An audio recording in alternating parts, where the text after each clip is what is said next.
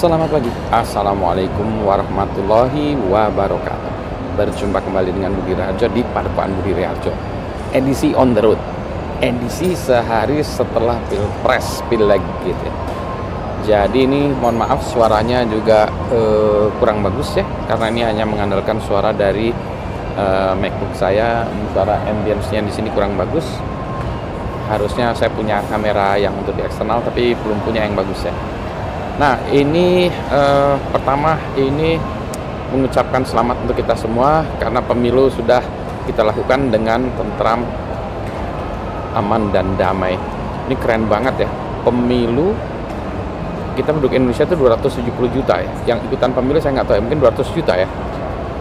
Dilaksanakan dengan cepat ya, satu hari. Keren ya.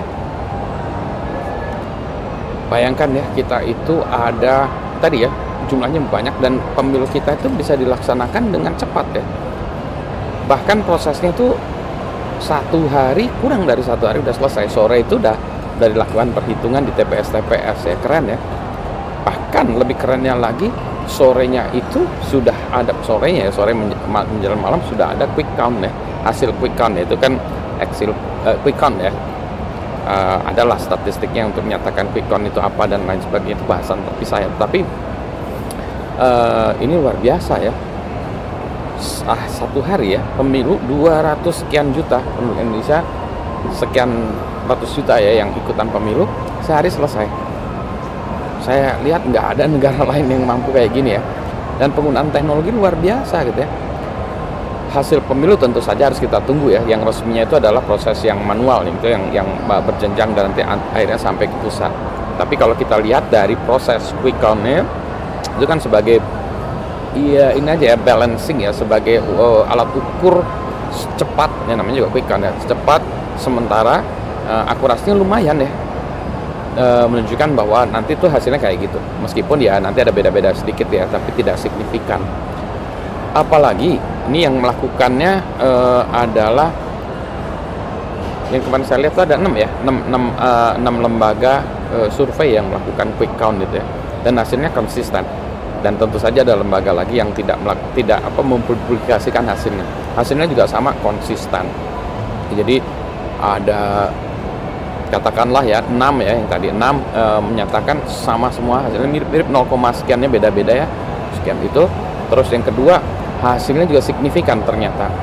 Saya tidak mengira ya tadinya saya mengira ya mungkin kalau dua putaran ya atau kalaupun satu putaran 51 persen atau 50, sekian persen 51 persen lah ya keunggulan uh, Prabowo Gibran itu ya 51 persen.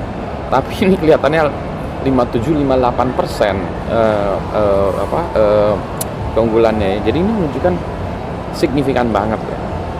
Signifikan banget. Jadi nanti hasil yang uh, yang resminya itu juga hmm, tidak jauh berbeda lah. Karena ini uh, namanya juga uh, ilmu ya. Statistika itu kan ilmu beneran ya. Real science bukan abal-abal bukan ilmu nujun bukan ilmu ngasal kalau ngasal hasilnya akan kacau dilakukan oleh orang yang beda hasilnya beda-beda suka-suka. Ini e, metodologinya juga sama ya baku.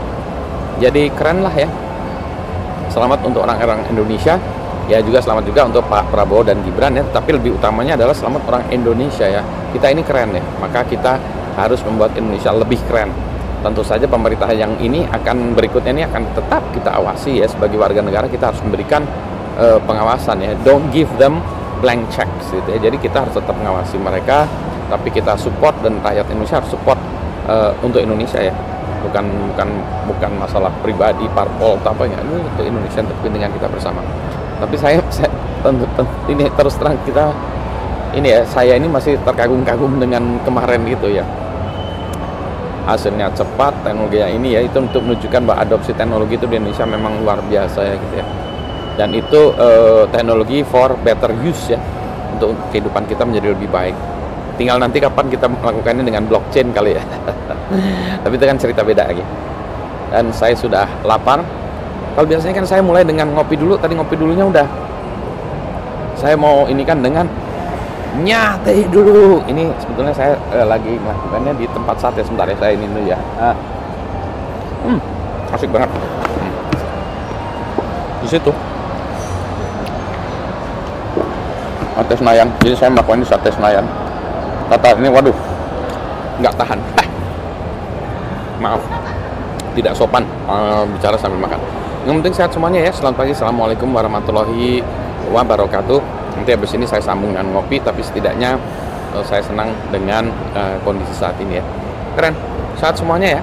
Assalamualaikum